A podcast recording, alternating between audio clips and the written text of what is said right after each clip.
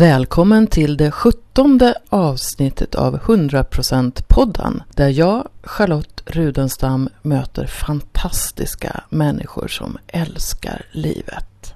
Och den här veckan så kommer du att möta en person som har släppt taget om det mesta. Hösten 2014 så gav hon tillsammans med sin man sig iväg ut på ett äventyr i Europa. De hade sålt sitt hus, de hade gett bort en massa saker och nu skulle de vakta djur i olika hem i flera länder i Europa.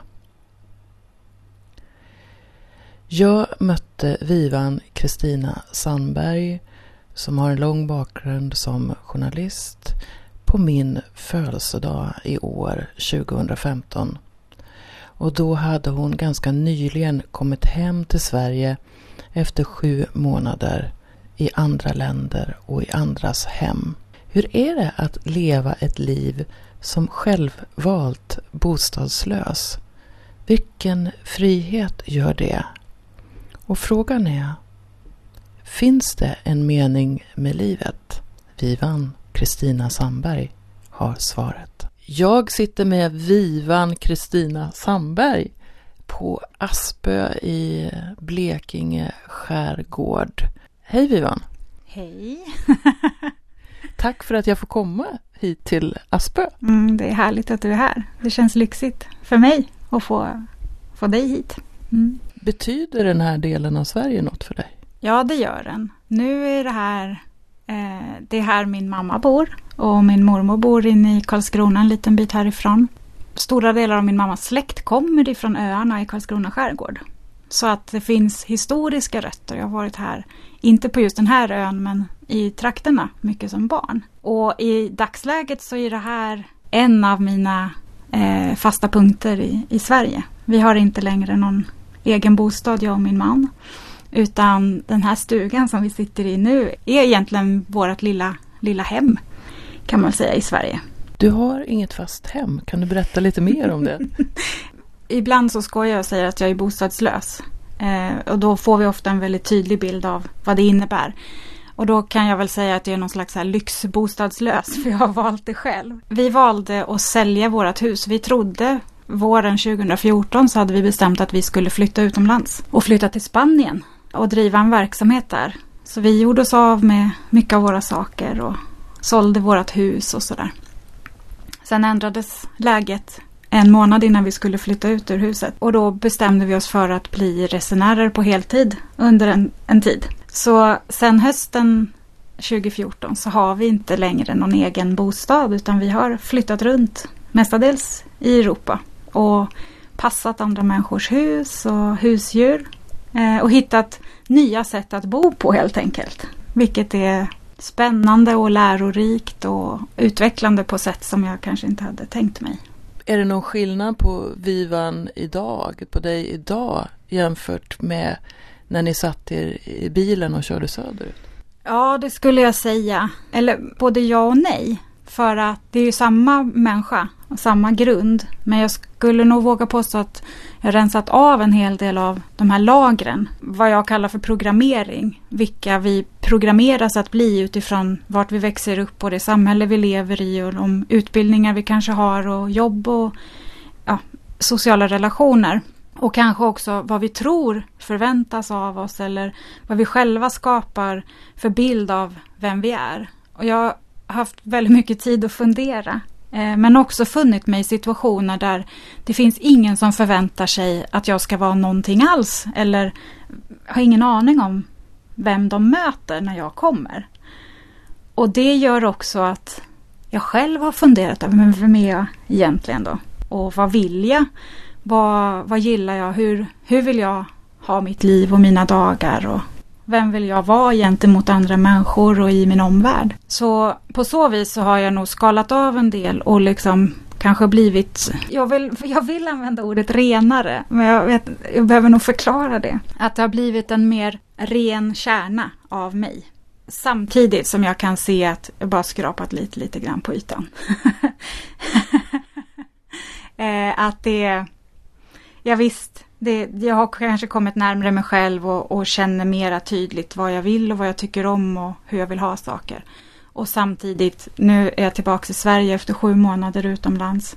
Och då kan jag säga att jag faller in i gamla tankemönster, i gamla beteenden. Och att jag också uh, svajar lite i hur vill jag ha det då? Eller vad är rätt och riktigt? Vad förväntas? Då kommer en del av de där tankarna tillbaka. Så det är en, det är en inre och en yttre resa eh, på många sätt. Och där det här med bostad, många människor i Sverige, de flesta, har ju en, en bostad till exempel och ett arbete. Och att möta en del av de människorna som har det så, en, en fast punkt. Det är en utmaning både för mig och för många andra.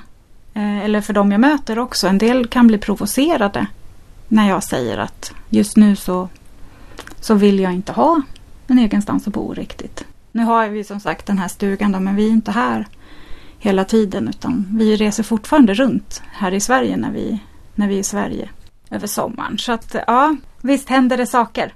Det, jag skulle, ja, absolut händer det saker. Och ta, attityden gentemot vissa grejer har förändrats väldigt mycket under, under perioden som vi varit iväg från Sverige men också då sen vi lämnade vårt hus där vi har bott i sju år. Så vem är den här Vivan som du upptäckt? Åh, nu blir jag så här nästan mm, jag är fnissig och glad. För vad jag har upptäckt, vad jag ser finns i mig som jag kanske har glömt lite. Det är väldigt mycket mer glädje och skratt och bus och lek och sång. Och även andra, liksom, det här är ju mycket av det som vi ser som positivt då, men, men sen finns det också tydligare känslor av att vara rörd eller, eller känna sig ledsen över saker. Alltså mycket mera känslospel men också en, en skönare grundton i livet. Att det, det som är basen är lättare att möta i mig själv på något vis. Alltså jag vaknar med en mer kanske neutral känsla på morgonen. Tidigare kanske det var väldigt mycket så här, åh, glädje, sprittel, liksom, att stiga upp. Eller, fan, det är morgon igen. Jäkla skit. Eller jag känner mig stressad. Och, nu är det mera så, mm, okej, okay, hur känns det idag? Att verkligen känna efter och sen så utgå ifrån det eller, eller bara inse att ja, men det här kommer ju skifta snart. Så även om någonting känns lite tungt eller jätteglatt så det kommer att skifta och, och vara trygg i det. Liksom. När jag lyssnar på dig så, det, så ser jag som en stor flagga som det står frihet på. Ja, och det tror jag egentligen mest handlar om att tillåta eh, jag ska inte säga sig själv utan mig då, eh, tillåta mig själv att vara fri. Att tillåta mig att vara den jag verkligen känner att jag är eller det som är i stunden. Eh, vilket då ibland kan innebära att jag går och liksom sjungdansar på en gata mitt i en stad när folk tittar. För att det känns kul just nu och jag tänker inte så mycket på det. Eller att jag inför andra människor kan visa att jag är ledsen eller har tunga funderingar och så. Eh, så att, och det är ju en stor frihet att, att kunna känna det. Men också en attityden gentemot saker. För jag kan också se hur mycket saker tynger mig och andra. Och där, där den attityden har förändrats och liksom en större lätthet i att släppa saker, ägande, att ha. Eh, vilket vilket är befriande faktiskt. Du berättade för mig att när du kom hit häromdagen så, så började du titta dig omkring om alla prylar du hade och sen bara, nej men jag kan nog slänga lite mer. Ja. Eller ge bort. Ja, gud. Första kvällen vi kom hit, det var ganska sent. Eller när vi hade ätit och sånt var det ganska sent. Så höll jag på tror jag en och en halv timme, liksom till mitt i natten. För jag fick jag fick nästan panik när jag såg. Jag tyckte inte att jag hade sparat så mycket saker eller lagt det då. Men så bara, nej men gud, allt det här, det här vill jag inte ha kvar och det här, varför trodde jag att jag ville ha detta igen? Och också funderingar kring, behöver jag verkligen det här? För jag har levt eh, med en stor och en lite mindre ryggsäck nu eh, under rätt så lång tid. Och jag har klarat mig mer än väl. Det finns till och med saker i den packningen som jag gjort mig av med för att jag inte använt. Och då, det blir väldigt tydligt när man har en begränsad tillgång på saker. Vad man faktiskt vill ha i kring sig och vad man behöver. Eller jag då. Så när jag kom hit så verkligen, jag har rensat ut en stor kasse och kastat en del grejer. Papper. Jag hade sparat så här bra att ha papper. Jag tror jag en, en stor hög och min mamma har samlat våran post och sånt. Jag har kastat allting utav det utom typ tre A4-blad. Alla plastkorten, de svenska plastkorten med du vet, så här, bonusmedlem hit och dit. Jag hade nog 10 eller 12 stycken. Där är två som är kvar. Det ena är ett café medlemskort och det andra är mitt, min patientbricka. Resten har jag klippt nu. För jag kände att vi, vi kommer vara så lite i Sverige som det ser ut nu, närmsta tiden. Så varför ska jag hålla på och samla? Det är också, det, det känns som att det till slut tynger det med. Varför ska jag samla poäng liksom? Det blev, det blev tydligt för mig. Och där gör vi ju alla var och en på sitt sätt. Men, men vi samlar på väldigt mycket saker. Det blir uppenbart. Liksom. Ni gjorde ju då ett, ett, ett val, ni fick göra om ett val men ni valde att ni, ni valde att bara ge er ut i Europa och hade ingen aning om egentligen om hur ni skulle få ihop till er, er försörjning. Och jag tänker tanken på, på pengar eller rädslan för att inte få pengar tror jag ofta är det som hindrar människor att ta nya beslut. Så hur ser din relation till pengar ut idag? Den har också förändrats. Jag har nog blivit mer medveten om om pengar och, och ekonomi på ett sätt samtidigt som jag inte alls på samma vis längre är rädd för att pengarna inte ska räcka. Nu hade vi ju en stor fördel av att eh, vi hade en del sparade pengar som vi har kunnat leva på då. Och de har räckt längre än vad vi trodde. Och det är till och med så att en del räntor och annat har gått upp under tiden vi varit iväg. Så vi, eh, det har liksom löst sig på väldigt fina sätt då. Men nej, rädslan för pengar och den här paniken som jag ibland tidigare har känt, men shit, hur ska vi försörja oss? Och även min man då, för han har haft ganska mycket av det. Det har lättat. Ja, men det löser sig. Vi, vi ser och vi, på något sätt så har vi fått liksom knuffar i den riktningen. Ja, men det kommer fixa sig. Det är inget, och när vi har kanske börjat fundera och, och liksom stundtals känna oss oroliga så har det kommit ett besked. Så, ja, men du fick skatteåterbäring. Jaha, tack så mycket. Så då är det lite som att det man frågar får man svar. Så vi har, vi har känt oss liksom mer och mer lugna och trygga i det att det, det, kommer att lösa sig och vi kan se också hur den här tiden som vi har tagit oss nu då att göra helt andra saker skapar mycket kreativitet i oss. Så vi är inte ett dugg oroliga att vi kommer kunna lösa situationer som uppstår för vi, vi upplever att vi har blivit mer kreativa. Och då minskar också rädslan på något sätt. Att jag är helt öppen för att liksom ta ett arbete, vilket som helst i princip, som jag kan klara att utföra. För det är inte heller så laddat för mig längre att det måste vara fint eller prestigefyllt eller så. Så ordet status har förändrat eh, skepnad? ja, jag skulle, jag skulle nästan vilja dra mig till att säga att status är ju bara ett hittepå. Liksom. Det är, något, det är vad, vi skap, vad vi sätter i det ordet. Och vi kan tro att status, att det är status att ha ett fint jobb eller att, eh, att bo på en speciell adress eller ha välkammade barn eller en fin häst eller ja, vi sätter ofta status lika med saker. Eller en ställning. Men jag, nej, jag vet inte. Jag har nog tappat... Tänk om jag har tappat respekten för någon slags status. Kanske lite... Det har i alla fall skalats ner avsevärt. Jag tänker det här, ni, jag vet att ni har varit bland annat i Frankrike, ni har varit på Azorerna, ni har varit i Egypten och en sväng i Turkiet. Och då har ni ju kommit till olika människors hem, ofta har ni tagit hand om djur där. Det här att leva i någon annans hem och kanske med någon annans rytm och andras matvanor och så. Hur har det varit? Det har gått lättare än vad vad jag hade föreställt mig och även vad Anders, min man, då hade föreställt sig.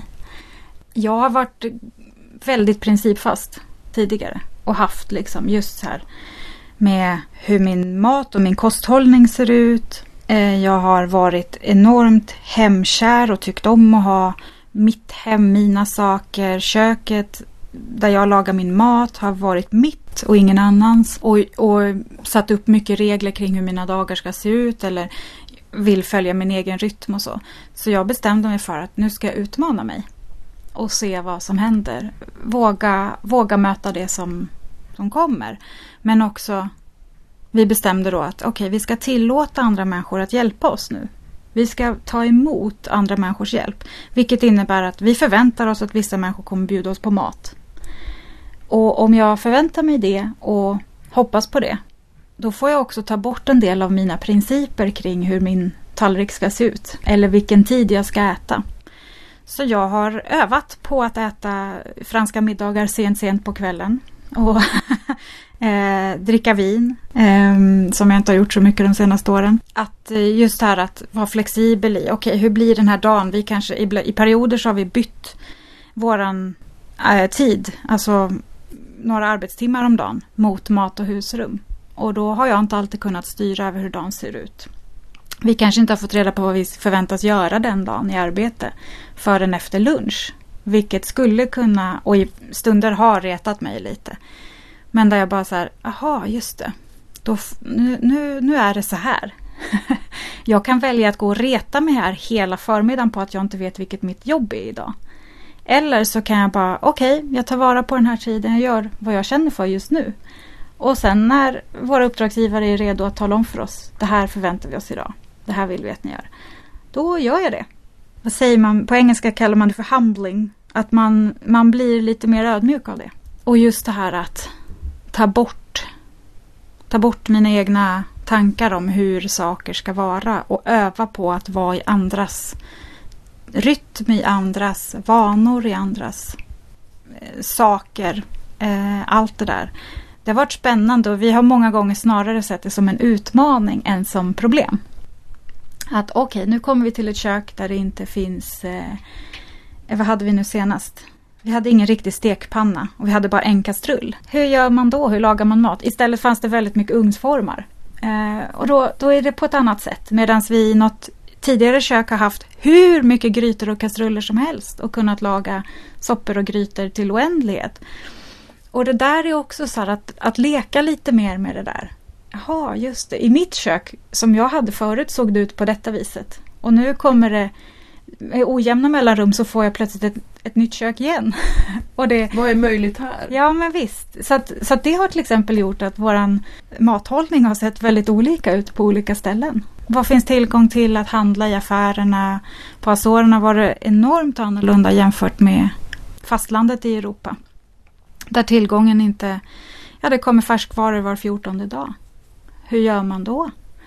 Vilken, det finns inte, om man inte känner en bonde som har en ko så finns det ingen färskmjölk att få tag i. Då får man köpa sån UHT-mjölk. Ja, tidigare har jag också rynkat på näsan som du gjorde nu. Ja, nej, så, så är förutsättningarna. Då är det bara att prova att leva efter det. Liksom. Vi är ju svenskar, du och jag, Vivan, och då har vi ju ofta ett svenskt perspektiv och vi är vi, vi är ledda att tro att the Swedish way är liksom the way. Mm. Och nu när ni har prövat olika kulturer i Europa och runt Medelhavet. Har det påverkat din syn på, på, på Sverige och hur vi väljer att leva här? Det har det absolut. Jag kan se hur fantastiskt bortskämda många som bor i Sverige är eh, där vi har grundförutsättningar eller ett, en grundplåt i samhället också som, som eh, ser till att vi nästan alltid har liksom torra hela hus som är varma till exempel. Eh, vi har en byggstandard som är helt otrolig. Eh, men där jag också kan se att därmed så bygger vi in oss i att vi måste tjäna ganska mycket pengar. Vi behöver jobba rätt så mycket. Vi har ju också ett klimat här då som, som utmanar husen till exempel. Att vi behöver ta hand om det på ett annat sätt. Men, men vi... Ja, att vi har rätt så hög levnadsstandard här eh, gör också att vi behöver kämpa lite mer för att få allting att gå ihop. Medan på många andra ställen vi har sett så kanske inte fasadfärgen alltid sitter helt hundra. Eller det är mögel inomhus. Och man väljer att bara ha det så. Eller man fixar lite här och lite där men man gör inte de här totala superrenoveringarna alltid. Det kanske är för dyrt eller man vill hellre ha mycket, mycket tid att umgås. Eller kunna vara ute. Så att ofta gör lite olika val då. Men där är som sagt, vi har också olika klimat. Sverige har vi mycket in, inomhusaktivitet på vintern. och det är svårt att vara ute liksom på det viset. Vilket jag tror också gör att vi gärna bonar om våra hus mycket, mycket mer. Eller våra bostäder. Så det där, ja absolut. Jag, jag kan se tydliga liksom eh, hur det där twistas i att plötsligt så är det inte heller för mig så viktigt att det är perfekt allting. Jag kan, eh, jag kan gärna, jag ser mycket hellre att tapeterna flagar lite i hörnen som de gör här i stugan. Eh, eller att eh, ja, jag kan tåla att det inte är så välstädat. Liksom. För jag vill ha tid att göra andra saker än att bara bo. Eller lägga pengar på annat än att bara bo. Det kan jag se är, är det vi har mött på många andra ställen också. En av de saker som jag hör mellan raderna är också, eller jag, som jag tolkar det, det är mm. att du idag lever ett mer närvarande liv. Det vill säga du är här och nu och möter det som är. Mm. Så vad spelar närvaro för roll i ditt liv? Den är väldigt viktig. Har blivit mer och mer viktig. Jag känner tydligare liksom när jag är med och när jag inte är med. Eh, och Anders sa det här om dagen att men shit, nu är du uppe och speedar i ett tempo som jag inte känner igen. Vart är min wingman som han kallar det då? Vi, vi ser oss som ett team som, som lever tillsammans. Vi, vi är ett par som, som också är ett, ett bra fungerande team.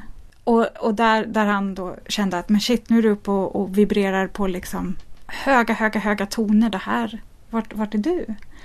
Ja just det, jag har glömt att andas lite nu.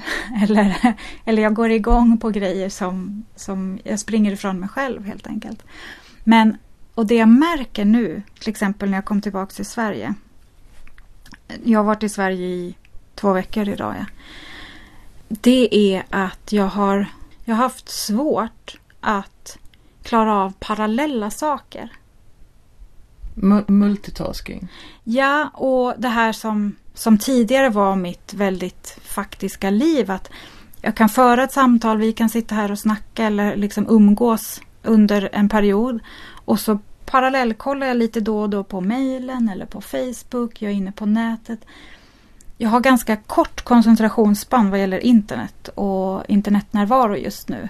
Jag, jag, jag märker att jag vill och mår bäst av att vara i stunden, i nuet och framförallt är det människor runt omkring så, så vill jag inte vara någon annanstans. Så, så du väljer mer den fysiska verkligheten mm. framför att vara i den digitala verkligheten? Mm. Eh, och om jag är i den digitala verkligheten så vill jag helst inte att det kommer, du vet, eh, eller att andra människor är i, i närheten för då, då dras jag hela tiden till, till människorna vilket jag tycker är superbra. Men jag ser också jättetydligt hur här, där all, för det handlar också, till exempel en grej nu då är att jag har kontantkort i mobilen, jag har inget abonnemang. Och då har jag valt att inte ha datasurf i mitt kontantkort. Utan ska jag vara på internet så måste det finnas ett wifi. Annars så har jag inte det. Det klipper bort jädrigt mycket eh, liksom internet ur livet. Och jag upplever det som väldigt positivt för mig just nu. Är det vilsamt? Ja, det är mindre stressande. Ja, det är skönt. Jag tycker, ja men jag vill inte hänga på nätet hela tiden. Jag vill, och framförallt nu då när jag inte har träffat min delar av min familj på sju månader. Jag saknar, och mina vänner, jag har längtat jättemycket. Då vill jag ju vara här. Jag vill inte vara någon annanstans. Men jag kan också se hur vissa människor som jag möter nu liksom blir stressade av att ja, men jag måste ju hinna det här och det här och det här. Och mycket av det är inte sånt som måste, måste hinnas. Vi kan välja. Men också att, att separera. För mig är det liksom att, att vara på internet just nu. Eh, det är som att gå in i ett, ett eget rum och stänga dörren. Och då vill jag gärna vara ganska i fred. Jag tycker inte att det... Hmm, nu kände jag det. Det känns som att jag är respektlös mot andra människor när jag försöker multitaska. Och det har plötsligt blivit enormt tydligt för mig. Och det har du kunnat upptäcka genom att släppa taget om saker och ge dig ut på den här resan ut i det okända. Mm. Och, och det vi ofta pratar om, Anders och jag, är ju att det handlar ju inte om att, att man måste sälja prylar och göra sig av med sin bostad och resa. Eller liksom, utan det, det kan ju vara att bryta vanor på olika vis. Men ja, så det har gjort det tydligare för mig. Nu ska jag ta en lite djupare fråga här. Mm. Finns det en mening med livet, Vivan? har du hört att vi har diskuterat det? Nej. vi har diskuterat väldigt mycket. Vi har haft mycket tid att prata om saker, Anders och jag, och fundera var och en på sin, sin lilla del. Och vi har, vi har lagt en hel del tid på att fundera över finns det en mening med livet. Jag tycker att det är roligt och provocerande att säga nej, jag tror inte att det finns någon mening. Jag vet inte, jag har inte kommit på vad den är. Jag kan inte se den. Så då brukar vi säga så här, nej det finns ingen mening med livet. Så då kan man lika gärna ha roligt under tiden. och så var det någon som vände på det där här om veckan och sa så här, ja men det kanske är det som är meningen. Att vi ska ha roligt och njuta.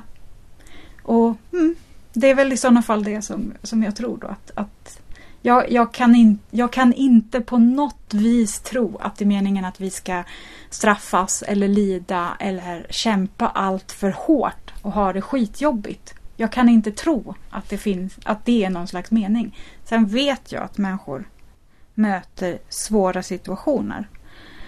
Och att vi föds under otroligt olika förutsättningar. Och det har jag jag har verkligen, nu börjar jag rysa, jag har en stor respekt för det. Så jag vet att det finns människor som lider och sliter jättemycket. Men jag tror också att när vi har möjligheterna och förutsättningarna så får vi verkligen lov att leva och leka och njuta och ha det gött. Jag, jag kan inte se det på något annat vis. Hur vet du vad du ska säga ja eller nej till? Ofta så så kan det komma ett svar ganska snabbt om jag frågar mig själv. Vad vill jag nu? Eller vill jag detta eller vill jag det inte? På engelska så säger man ibland så här, ja men det är hell yeah, eller hell yes. Det är ett absolut ja. Och vi, jag tror att vi ganska ofta har tydliga ja och nej om vi lyssnar efter. Men vi är väldigt snabba på att sätta de här klisterlapparna ovanpå etiketterna. Jag borde, jag skulle, vad förväntar sig andra? Så när, det, när, jag, när jag börjar förvirra mig sådär så, så kan jag komma tillbaks till, vänta vad vill jag nu verkligen? Eller är det här ett, är det ett tydligt ja eller nej? Ja, men jag vill faktiskt inte. Och, och var, var, var finns svaret? Nu är det lite knepigt tycker jag. var finns svaret? Någonstans mellan gässan och hjärtat händer det på mig. Jag är inte så mycket i magen som andra pratar om magkänsla. Men jag, har, jag, jag kan nog känna det. Ja, det går någon, tillsammans med andningen så går det någon slags kanal från, från huvudets topp ner till hjärtat. Och där någonstans. Så din kropp är med i dina beslut? Mm, absolut.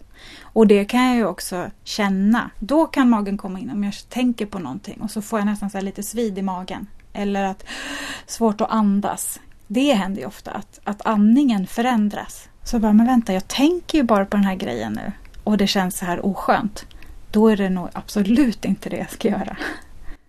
Så kroppen, där kan du få tydliga nej alltså? Ja.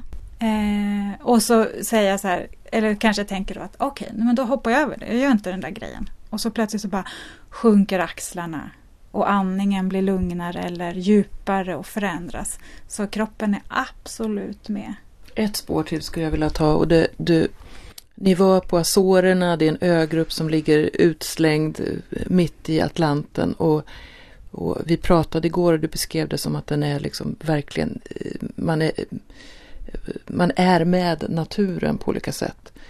Och, och då funderar jag på, ser du det som att, att det finns någonting annat eller större än oss, någon annan dimension i tillvaron än det vi kan se på och ta på? Mm, det är helt. För mig gör det det. Och jag är, jag är helt övertygad om att det finns krafter som är större än oss och som, eh, som knyter oss människor, djur och natur tillsammans. En andlig aspekt av livet och av världen. Och en del sätter religionsnamn på det. Andra eh, pratar om högre makter. Jag har inget tydligt tydligt namn eller, eller liksom. Jag, jag kommer från en familj där kristendomen är, är stark och utövande, utövande kristna liksom. Och jag har full respekt för det. Jag har full respekt för olika typer av religioner eller naturfolk och jag kan se, jag kan, vad jag ser är hur alla pratar om samma sak fast de har olika namn och ord. Och för mig är naturen en väldigt stark och stor nyckel för den här andliga aspekten av livet och av världen. Så jag, jag, är, jag är helt säker. Eller säker, men ja, jag, jag, jag känner det. När du berättar det där, jag känner ju dig sedan några år och, och, och du hade, eller ni hade tidigare en hund som hette Gunnar. Mm. Och hur du, ni två tillsammans på något sätt upptäckte naturen eller du, du fick, jag uppfattade det som att du nästan fick hjälp av honom till att vara närmare mm. någonting annat. Mm. Absolut. Han hjälpte mig att se saker på nya sätt. Precis som jag vet att många föräldrar upplever med sina barn. Att vi får se, eller vi, vem som helst vuxen kan se genom barn att vi ser världen på nya sätt. Och för mig är djuren fantastiska och, och särskilt hundar eh, har jag lätt att, att relatera till. Så eh, där kan jag verkligen se hur, hur djuren hjälper oss, kan hjälpa oss och upptäcka eller se och, och också hitta lustan i saker. De är väldigt direkta. Är det något som är härligt och roligt så är det bara Wow, det här är fantastiskt! En ny dag! Jag viftar på svansen och hoppar och skuttar och är jätteglad. Eller, nej men det här är inte skönt, det är inte gött alls när det regnar i ögonen. Jag vill springa in under ett tak. det, det är liksom så enormt direkt, men också det här fascinationen över naturen och att kunna bara... Jag har ju sett hundar som nästan mediterar eh, på en stilla, stilla skön plats. Liksom. Det, är helt, det är helt häftigt. Eller sitter på trappen utanför ett hus. Eh, jag har varit med om nu i Frankrike, en liten lurvig hund. Som bara sätter sig ute i solen så och bara tittar. Liksom. Behöver inte göra någonting på en väldigt, väldigt lång stund. Och då är det, det är bara en stillhet och en ro över det. Och då, då känns det igen som att, att den hunden är uppkopplad mot någonting annat, någonting mer. Och sprider, sprider liksom ett lugn kring sig eller en glädje, en, en livslust och en värme. Har det hänt att du låter djurets att du följer djurets rytm istället för att djuret måste följa din rytm. Mm. Och hur är det i så fall? Nu har vi ju haft chans att leva tillsammans med olika djur i olika perioder och, och lära känna både hästar och katter och hundar framförallt. Och då kan man se liksom hur olika de är och hur de eh, kan ta, ta sig an världen på olika vis. Och för att det där samspelet, för jag ser det som ett samspel. Jag ser det inte som att hunden alltid måste göra det jag tycker eller så. Utan jag vill se vad, vad har vi för individ här? Precis som jag är nyfiken på med människor. Och då, då är det ju spännande att se, okej okay, men den här hunden är liksom helt utom sig av nyfikenhet och, och vill ta sig an dagen på det viset. Eh, vad händer om jag följer med då? Eller om jag också gör så. Att vi går i snabb takt och, och springer på olika sätt. Så här. Ja, och sen, sen lägger de sig och vilar till exempel och sover och är trötta. Och då ofta så är jag också lite sömnig och kanske lägger mig och vilar. Eller, eller vi bara, ja, man gör inte så himla mycket eller vilar tillsammans och sådär. Och det är superspännande för det, det, det har ofta hjälpt mig att okej, okay, om jag är trött, vad skulle djuren ha gjort nu? Ja, de, de lägger sig och vilar. Det är de håller inte på att fundera på om de skulle diska egentligen eller städa eller tvätta sin päls. För är de trötta så är de trötta och då vilar man. Punkt. Det, det hjälper mig att bli mer människa, att umgås med djur. att komma tillbaks till den naturliga rytmen kanske. Det låter så härligt Vivan det känns lite konstigt att prata om det men det är skönt. Mm. För, för mig är du 100% Vivan. Du gör din grej, du lever din sanning och, och du tar de utmaningar som livet eh, ger dig. Och så tänker jag så här. Om det är någon som lyssnar som skulle vilja gå åt 100% hållet. Mm. Vad skulle du kunna rekommendera som något litet steg de skulle kunna ta? Eftersom jag tycker att naturen är så härlig så tror jag, eller det är mitt bästa tips. Att komma ut, att vara utomhus, att känna frisk luft.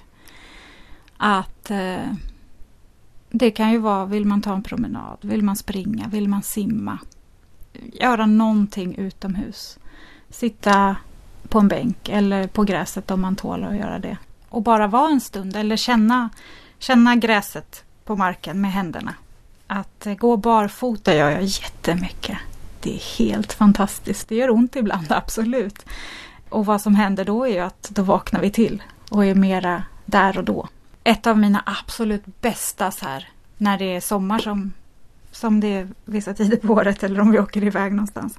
Det är att, eh, att ta ett dopp. När tankarna snurrar för mycket eller eh, kanske känner massa känslor och har svårt att komma ur. Tar jag ett bad så kommer jag nästan alltid ur den. Då, då skiftar tankarna, då skiftar känslan. Så det, ibland när jag fastnar i någonting så bara okej okay, nu är det dags att ta ett dopp. Om det är möjligt. Det är inte is på vattnet eller, eller allt för obehagligt väder. Men det, för mig är det en sån riktig så Vivan, vi kanske skulle över, överväga att gå ja. och ta ett dopp? Det hade varit skönt, jag känner mig lite så svettig. Tack så jättemycket för att du vill vara med i 100%-podden. Tack! Gå ut i naturen, säger Vivan Kristina Sandberg. Och det låter väl som en alldeles underbar idé oavsett vilken årstid det är. När det här sänds första gången så befinner sig Vivan tillbaka ute i Europa. Hon är någonstans i Frankrike tillsammans med sin man Anders och där tar de hand om djur och jag tror att de hjälper till och fixar i något hus också. Så de har återgått till sitt nya fria liv efter några sommarmånader i Sverige. Och det ska bli spännande att se vart resan för Vivan i framtiden. Du kan också följa Vivan och Anders resa på anvisa.wordpress.com Anvisa med w.wordpress.com så får du se vilka äventyr som, som de är med om i sitt varande i livet. 100% podden är ju mitt projekt, Charlotte Rudenstam. Varje vecka får du möta en ny person som kan ge dig inspiration och tankeväckare och kanske en stunds glädje eller mening. Du får gärna vara med och, och sprida 100% podden till fler som du tror kan ha nytta och glädje av den.